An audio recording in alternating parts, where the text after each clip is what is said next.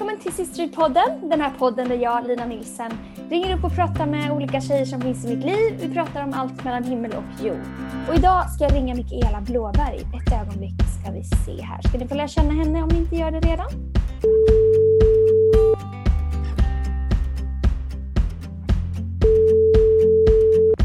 Hej! Hallå där! Hur är läget? Ja, det är bra. Tack Lina. Hur mår du? Vad höstfräsch du ser ut. Ja, men det är en ny tröja va? Lite varm för eh, dagen. Jag har gjort samma sak idag. Jag har aldrig Ja. sett tröja på mig.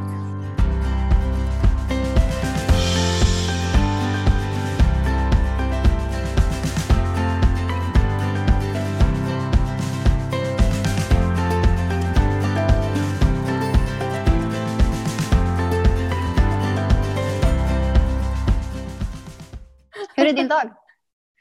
Bra! Vi har precis, eh, jag var lite sent till ett samtal här. Vi har precis eh, Mm. suttit och pratat om lite teman som vi har på söndagarna. Så Mm. jättekul faktiskt. Om Bibeln och meningen med livet och, och sånt där. Tänk att man Wow. kan få göra det. Ja, Ah, verkligen. Alltså gårdagen. Det var helt otroligt. Gårdagen, Ja. söndagen alltså. Vision for Sweden. ja. Får jag bara säga tack till dig och Andreas till att börja med. Jag, var, jag och Filip satt och pratade på kvällen min man. Och att bara, tänk att vi får vara med i det här. Det är ju helt otroligt. Without vision the people perish. Men det är ju så att det jag älskar med vår kyrka är att vi har inte vision om liksom bara saker som är nice, utan vi har vision om saker som är omöjliga. Som vi vet att vi inte klarar av i oss själva. verkligen. Och vi är, liksom, vi är inte så bra, men Gud är bra. Och det, ja, jag var så otroligt full av tro efter gårdagen. Ja, vad kul. Nej, men alltså, Mm. vi pratade om det, eller Andreas sa det här eh, på förmiddagen, att det är intressant med saker som vi upplever verkligen är födda av Gud. För det är inte Mm. någonting som vi har planerat väldigt länge. Utan vissa saker är som att det bara kommer, det bara dimper ner och sen så releasar vi det nästan på en gång. Eh, och då är det, det är bara Gud. Ja, men är det, alltså hur går det till? Det är nog inte bara jag som undrar det. Alltså hur går det till när ni ska liksom få ett ord från Gud typ inför ett år eller inför Heart the House? Vad, Alltså det är ju inte så, det låter inte så andligt som man skulle önska. Nej men vi är, vi vandrar väl runt och försöker vara lyhörda till Gud hela tiden. Försöker skapa space i det dagliga bruset. Ja men du vet alla, allt Mm. brus och alla röster och allt, all input man får hela tiden.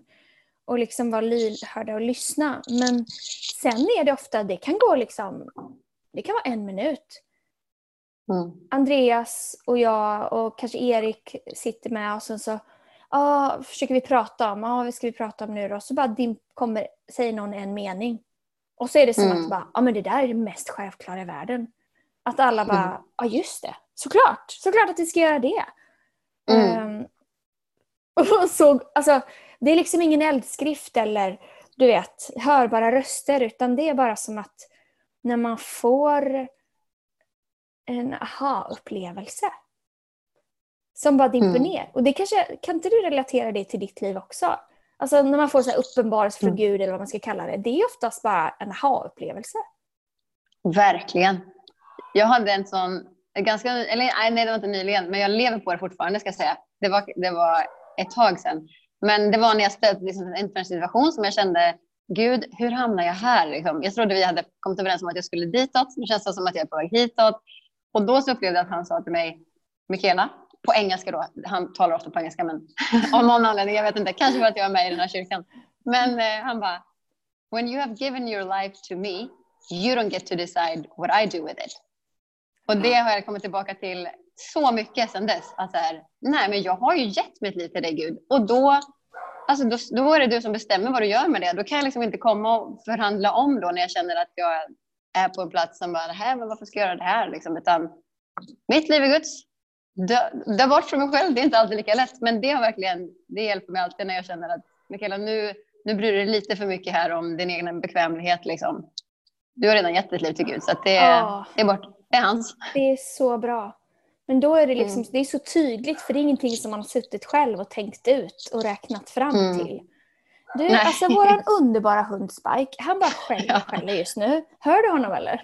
Ja, jag hör honom. Han är Ja. fin. Alltså jag måste hämta honom. Ge mig en sekund. Gärna, jag vill se honom. Var är du? Ja, fantastiskt.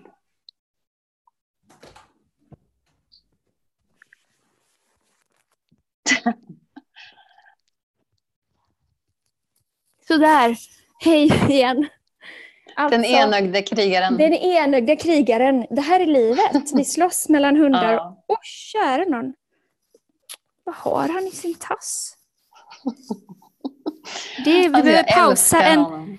vi Ja. måste pausa podden här och ta bort en kardborre ur Spike the Pirates tass. Så, lägg dig där. Gubben. Ah, hundar Aj. alltså, de ska sluta skälla när man säger åt dem. Ja, från, till, från ord från Gud till kardborrar i hundtassar. Det är, Det är liksom fantastiskt. lågt. Ja, Det är så verkligen. livet blev tycker jag. Ja. ja, det är det verkligen. Man får bara embracea det. Ja. ja men alltså man går från att prata, göra stora statements och prata om tio campsar på tio år till att liksom ta hand om disken eller väcka barn Ja. tidigt på morgonen som ska till skolan eller ta bort en fläck från tröjan eller vad det kan vara. Liksom. Alltså det, Verkligen. jag älskar det för sig. Det stora och det lilla. Mm. Mm.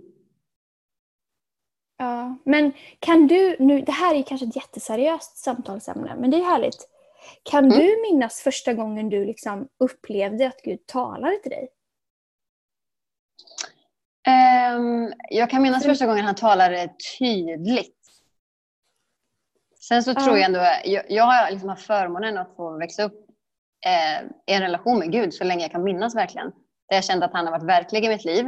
Men, eh, men just när han talar tydligt, ja, det minns jag. Eh, det var när jag var 15 år. Som var faktiskt när Erik Liljero var i vår kyrka som jag var med i då och pratade om lovsång. Och, och jag, jag satt där och kände att det här kommer jag aldrig kunna göra för att jag är för dålig på att sjunga och jag kan inte stå på en scen. Så där.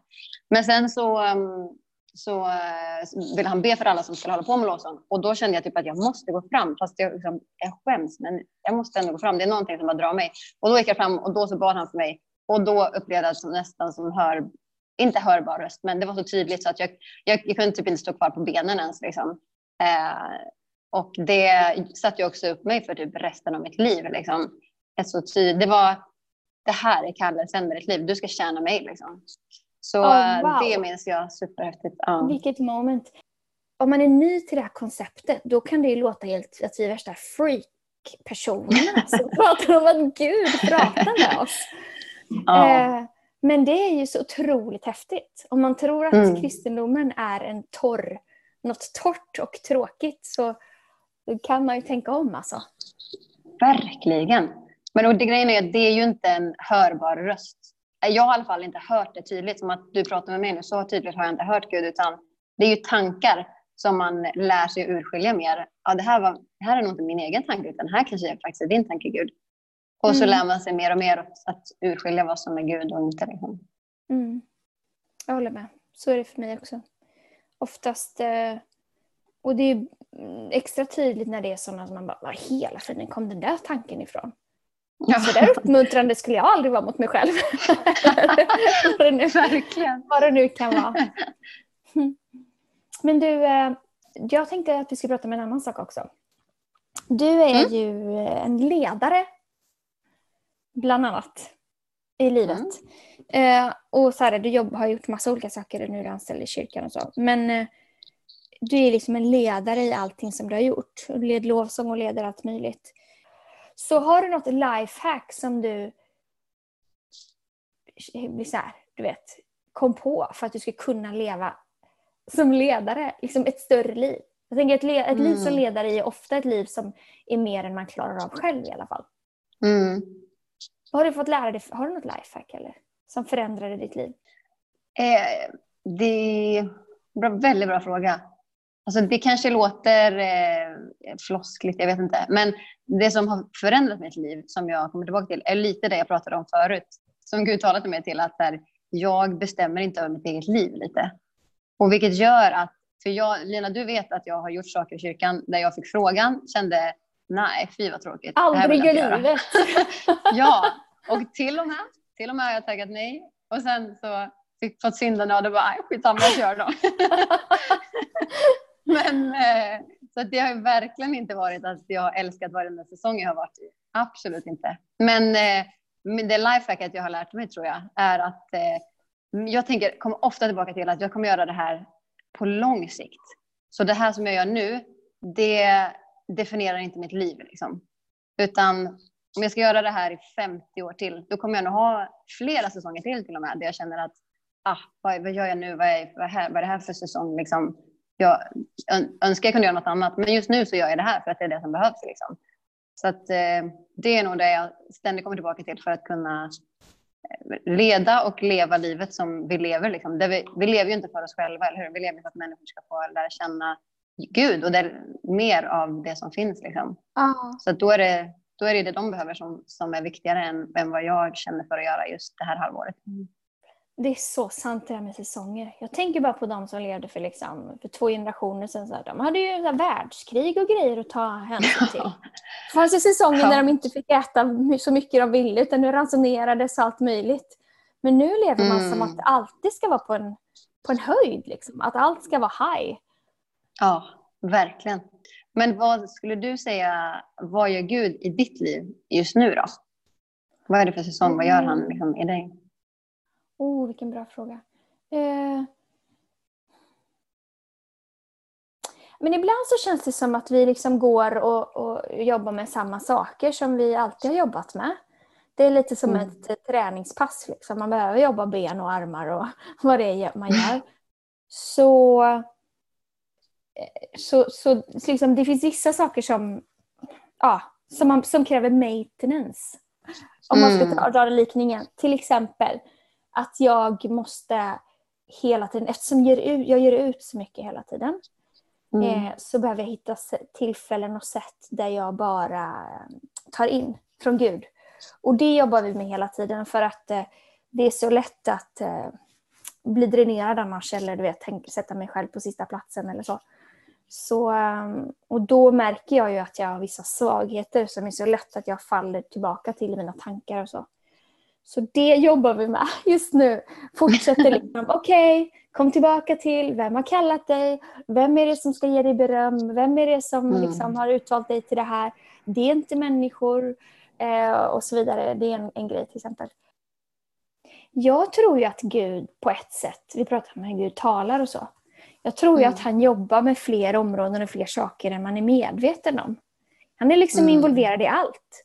Han ger mig lite vishet till mina döttrar när jag behöver det. Han ger mig lite vishet till vissa samtal, ger mig lite kraft till vissa grejer. Liksom att... Eh, ja, det är liksom inte bara en grej. Men sen kanske det är vissa större saker som, som eh, ja, är mer uppseendeväckande, eller vad man säger. Mm. Men eh, vad, vad har du lärt dig den senaste veckan då? Veckan? Bra. Eller um, två veckor. Om ja. du har lärt dig något den här veckan. Exakt. Eller vad du vill. Nej, nej, men jag är ju i, eh, som du vet, vi letar efter lägenhet. Vi har sålt våran och bor nu temporärt för att hitta en ny. Så att jag har verkligen känt senaste veckan, senaste veckan har det varit så här, det ligger en lägenhet på hela Kungsholmen i våran liksom, filter. du vet, så det är ju otroligt dött i det vi väntar på och längtar efter. Så att, eh, jag har nog känt att Gud eh, på något sätt eh, försöker få mig att förstå att den här vänteperioden är liksom grejen också. Att inte bara, för vi, läng vi längtar och, och ber Gud om, eh, om något som vi kommer älska. Liksom. Men att det inte bara när vi får det som eh, allt kommer bli bra, utan att det Gud gör i mig och i oss nu under den här perioden av väntan och längtan, det bygger min gudsrelation. Det kommer sätta upp mig för också resten av mitt liv och för nästa gång jag behöver vänta eller för andra människor runt omkring mig som behöver en uppmuntran i vad det är att stå fast vid Guds ord och allt det där. Så att det har jag tänkt på mycket, vad Gud gör i mig nu i en, person, i en period som är lite frustrerande, en väntan liksom. Men att det händer nog mycket på min insida om jag, lär, om jag fortsätter bara stå fast vid det Gud har sagt. Tro att han är den han säger att han är. tro fast jag inte ser och alla de här bitarna. Mm. Det är så grymt bra. Det finns ett bibelord om det. Um, på engelska någonstans, någonstans i Bibeln, hur, hur bildat låter det då? Uh, att we are enlarged in the waiting. Precis som en kvinna ja. när man är gravid så växer man liksom när man eh, väntar då på att bebisen ska, ska födas. Så är det så att när man väntar på Gud eller väntar på vad du nu vill vänta på så är det som att vi växer eh, på mm. insidan. Det är precis det du säger. Att man, man skulle ju kanske gärna vara utan det, men det är ju liv som föds på något sätt, fastän det är stretchigt och jobbigt. Ja. Ehm. Vet du, jag läste det för bara häromdagen. Var står det någonstans? Ja. ja, så att det, eh, det tar jag till mig, verkligen. men eh, har du, alltså, vad, har du haft någon sån period? Det har du säkert. Där du verkligen har fått vänta på någonting som du har bett om. Och vad, vad lärde du dig av det? ja, kära någon. Förutom när jag var gravid och inte tyckte om det. Eh, mm. Jag tyckte om det som kom, men inte... Vänta. Eh, oj, oj, oj. Nu måste jag tänka lite. Jag tycker att det är på väldigt många områden som man lever mellan där man är och dit man vill vara.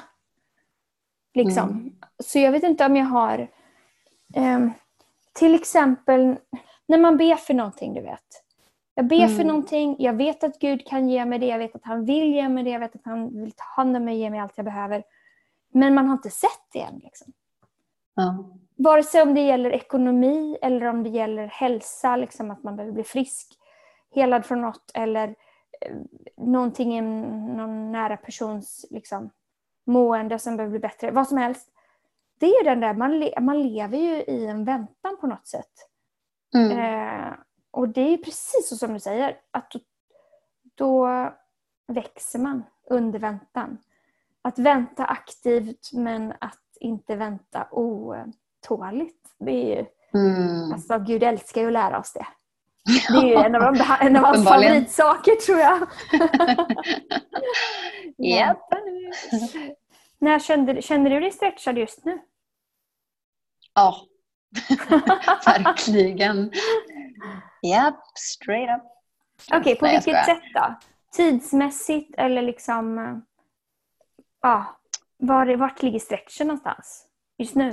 Ja, men, eh, på, på, ett sätt eh, hela livet. För att samma, dag, samma vecka som vi flyttade ut ifrån vår lägenhet till den här temporära lägenheten vi har nu. Så det var samma vecka som jag gick tillbaka från mammaledigheten och började jobba här igen, 100 procent. Vilket jag älskar och tackar Gud för på riktigt. Det är, ja, det är största gåvan i livet med mina barn och man och sådär, du vet. Men, mm. eh, men det, så det var, så allt förändrades typ samma vecka. Vårt boende, våra, vad vi, våra sysselsättningar om dagarna och så har jag ju eh, pastorer som du och Andreas som eh, tror på mig och ger mig liksom, nya utmaningar. Så jag fick ju helt ny, nya roller liksom, i princip när jag kom tillbaka hit. Så det har verkligen varit otroligt stretchande, men eh, väldigt kul. Alltså det var länge sedan jag hade så roligt i en stretchande period. så att jag är ju, ja verkligen. Alltså det, det tror jag hjälper mig väldigt mycket nu, att jag känner att här, gode gud, hjälp mig, alltså hur ska jag klara av det här? Men samtidigt att jag, så, jag är så tacksam för att jag får göra så roliga saker om dagarna och ja, allt sådär. Så det, det hjälper mig väldigt mycket nu att jag verkligen älskar det jag gör mitt i stretchen. Om det makar någon ja, sens. Det makar verkligen sens. För jag kan nog säga att jag också känner mig otroligt stretchad just nu. Även praktiskt, för att jag gör så mycket mer praktiskt och är så mycket mer hands-on i vissa grejer än jag inte varit på ett tag. Men det är också så otroligt kul. För man får mm. vara kreativ och man märker så här, åh nej, hur ska vi lösa det här? Åh, hur ska vi lösa det här? Det här går inte att lösa. Och sen så plötsligt så bara, vi läste det! Ja. Otroligt kul! Eller mm. när man vågar hoppa sig ut. Det är som att hoppa bungee kanske. Man vågar hoppa sig ut och testa vad det nu är som det som man inte tycker att man är tillräckligt bra eller vad man inte vet att man klarar av. Och sen så mm. hoppar man och så bara, fy vad kul det var! Ja. Vad det funkade bra! Eller mm. ibland, ibland är det magplask. Men eh, det, ja, det är kul. Ja, det är kul. Har du alltid varit frimodig i att testa nya saker och liksom säga att den här idén som jag har, den är grym? Nej, absolut inte. Jag har mycket lättare för att springa med andras idéer tror jag. Ja. Fortfarande tror jag att jag har det. Och eh, behöver, nu, det är så bra med nu leder jag ju internship här i Stockholm, vilket jag mm. tycker är otroligt roligt. Och den, den rollen är så, där är jag liksom ensam här. Det är ingen annan som jobbar med det riktigt. Så där tvingas jag ju att jag verkligen liksom äga allt fullt ut och inte falla tillbaka på någon annan. Så det har också varit väldigt kul att utmanas då på just det här området. Att eh, gå på mina, e-, våga tro på mina egna idéer och göra det fullt ut. Liksom. Och även om någon ifrågasätter det så kunna, kunna liksom tro på det ändå och sådär. Mm. En annan fråga Lina, jag pratade med en, en person bara precis innan våra samtal här. Vi pratade om framtidstro och framtidshopp. Hur man liksom vänder en oro till att bli hopp istället. Vi, vi vet mm. vad Guds ord säger men liksom i praktiken vad svårt det kan vara ibland när man har tydliga saker som man oroar sig för. Liksom, vad, alltså, hur, hur gör du? Nej men alltså oro och rädsla, jag tror att ingen är immun mot det faktiskt. För det är ju liksom en av våra största fiender. Ehm, jag eh, brottades med oro eh, under en period för ett tag sedan. Det var inte så lång period men i alla fall, jag märkte att jag, var, somnade varje kväll och liksom var, ni vet, du vet tankarna mal. Att jag bara mm. funderade, funderade över det här, över en situation och hur skulle det bli, jag kände mig otillräcklig och hur ska, jag, hur ska vi lösa det här? Och tänk om, tänk om, alla tankar som kan födas i ens inre. Ehm, men då lyssnade jag på en, på en intervju faktiskt med eh, en man som heter Bill Johnson som är pastor i Bethel. Han sa så här, att han hade märkt samma sak. Och då sa han att det, han hade märkt att det är hans utrymme på insidan som var skapat för att lovsjunga och liksom var skapat för att Gud skulle vara där. Han hade gett plats åt oro för den platsen. Hur mm, låter det här? Wow. Jätteflummigt. Men så att det är som att det är en plats på vår insida där, som ska vara fylld av lovsång, som ska vara fylld av tacksamhet till Gud. Men det är så lätt att oro kommer in och vill ta den platsen. Mm. Så hans botemedel som han körde på, det var att han puttade ut eh, oron igen då med tacksamhet och med liksom, lovsång i form av tack, du är så god Gud. Och jag vet att du tar hand om mig. Uh, och det testade jag att göra. Och det funkar ju. Verkligen. Alltså mm. det, man får bara vara lite uh, ihärdig. Och på, liksom verkligen intentional. Att bara okej, okay, nu att man identifierar det. Okej, okay, min rädsla varken hjälper mig varken hjälper någon annan, varken förändrar på någon situation överhuvudtaget. Men eh, att byta ut det till tacksamhet mm. istället. Det låter som en klyscha. Mm. Men det är typ som ett vapen som funkar. Absolut. Eh, så det är ju bara byta ut vad som är sant. Att Gud har koll på allting. Mm. Och vad en framtiden innebär, om det är framtidsoro då, så får man öva sig på att lita på att Gud ha koll. Mm. Eh, ja. Jag hade ju, när Angelina, vår eh, yngsta tjej, eh, dotter, föddes så hade, föddes hon med ett hjärtfel, det vet du. Och då hade jag ett moment med Gud när jag liksom brottades kan man säga, eh, när det gällde hennes liv. Självklart var jag väldigt orolig över henne och hon hade ett stort hål i hjärtat och hon skulle gå igenom en hjärtoperation och vi visste inte hur det skulle gå och sådär. Och det är ju riskabelt så vi visste inte om hon skulle leva heller. Då hade jag i alla fall ett, eh, ett moment med Gud när jag till slut, först sa jag så här, Gud jag tänker inte låta dig ta henne. Jag tänker inte mm. låta dig liksom, ta bort henne. Jag tänker inte, jag tänker inte låta dig. Liksom, så lät mm. min, min konversation med honom då i desperation. Men sen så förstod jag att jag behövde komma till en punkt när jag sa okej okay, Gud, om du vill, ta henne. Mm. Jag lägger henne i dina händer. Och när jag gjorde det så kändes det ju som att jag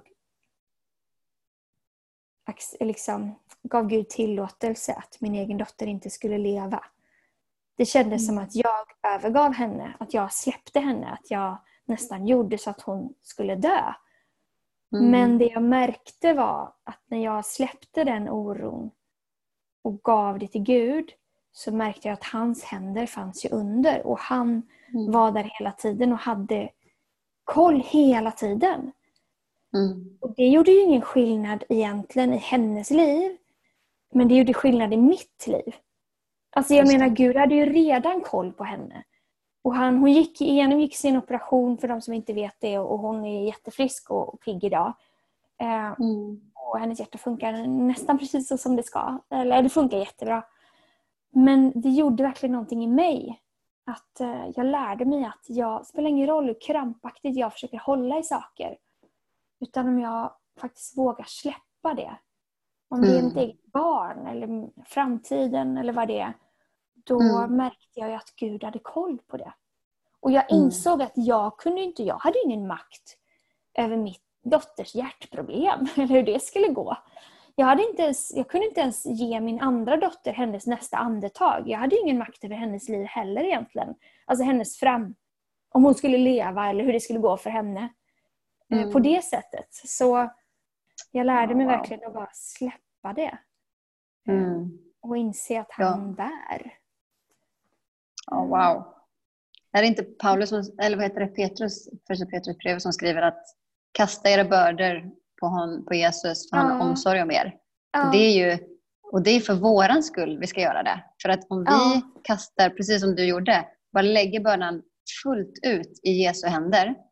Så, och men andra versen är ju för han har omsorg om er. Så att han kommer inte göra ja. någonting som är dåligt för oss utan det ska ligga hos honom för att han har omsorg om oss. Så han kommer ta hand om oss.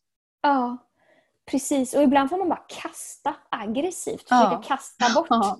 Alltså demonstrativt lägga. Mm. Ibland så Ibland så, det här låter kanske flummigt, men ibland så tar jag till och med min oro, alltså min osynliga oro i händerna och bara lägger dem på, på golvet. Liksom, lägger dem i Jesu kors, lägger dem till Jesus så här, fysiskt. Här har jag den här, varsågod. Liksom, mm. eh, jag sitter där och viftar i, framför mig och lägger mina oro. Men man, ja, ibland behöver man bara bestämma sig för att göra det. Och så får man göra det igen mm. och igen och igen. Men det är ju någonting som Corona har visat är ju vad många människor som kämpar med oro. Mm. Ja, tyvärr.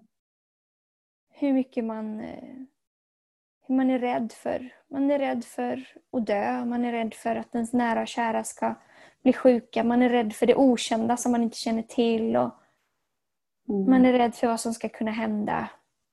Eh, så ja, det är verkligen en pandemi av rädsla, skulle jag vilja säga. Ja. Mm.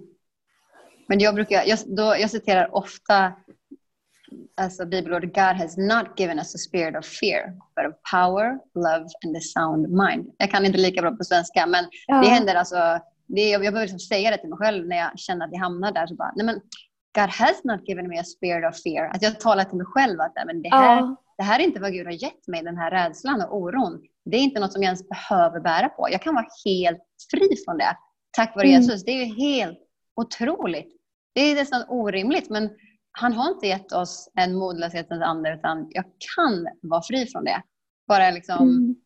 Och jag, jag talar ut mycket bibelord över mig själv, för att jag behöver liksom, ibland tror man ju inte på dem, eller man tror på dem, men man, man, lever inte som att man tror på dem. Så, men om man talar ut det, för varje gång så tar man talar ut det så börjar man tro på det lite mer. Liksom. Ja, det är så bra.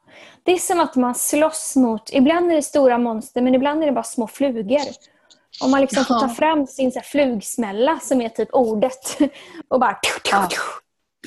Det är coolt att vi har fått vapen och redskap, som du säger. Ja. Det kan låta som en klyscha att tala ut Guds ord, men hur häftigt det är att det funkar. Mm. Fast man inte ens tror på att det ska funka. Kanske. Exakt. Sin rädsla eller sin oro. Ja, ja för det, ju, det står också i Hebreerbrevet 4.12 att Guds ord är levande och verksamt. Så ja. det, det, är inte ens, det är inte ens beroende av att jag behöver tro på det. Det är det som är så coolt. Bara att jag läser det, talar ut det och att det finns så är det levande i sig. Oavsett om jag, hur mycket jag tror på det eller lever efter det. Det är, liksom, Ja. det, det, det är sanningen själv oavsett min inställning till det. Liksom. Sanningen själv. Så bra. Vad har du för, har du Mm. något så här äh, berg att bestiga den här veckan? Åh, wow.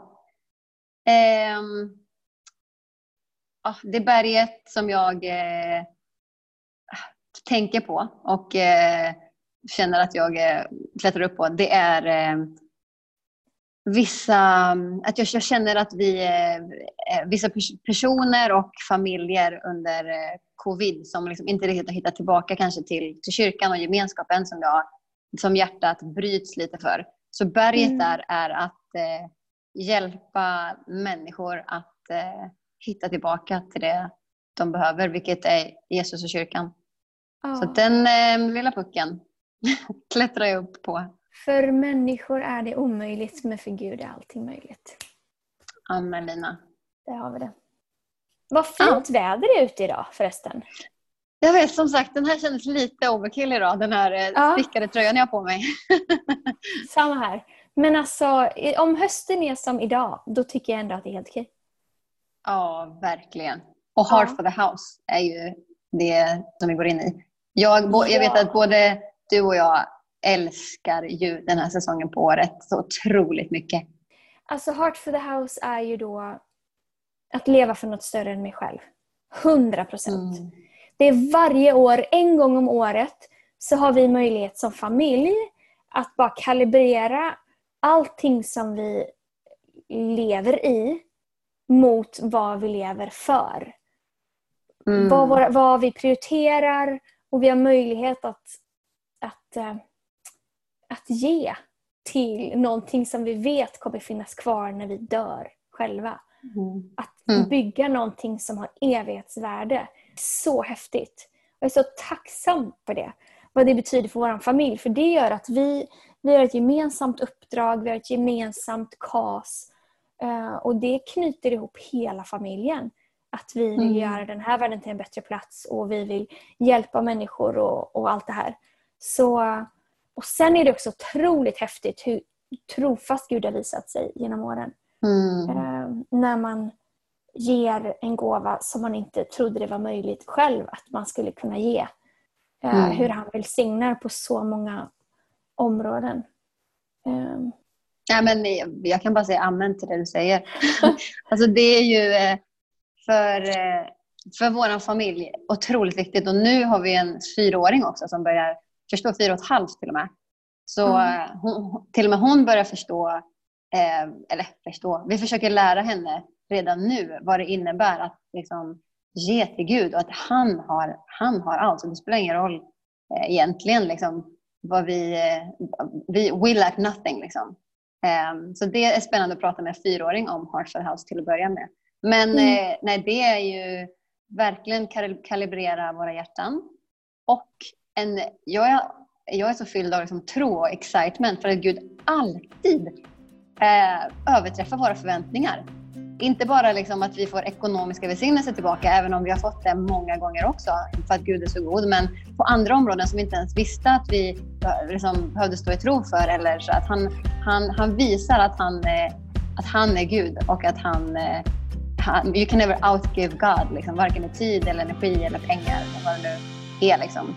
grymt! Det är så häftigt. Ja, men ha en bra dag min vän. Vi Detsamma, ses, Lina. eh, vi ses imorgon.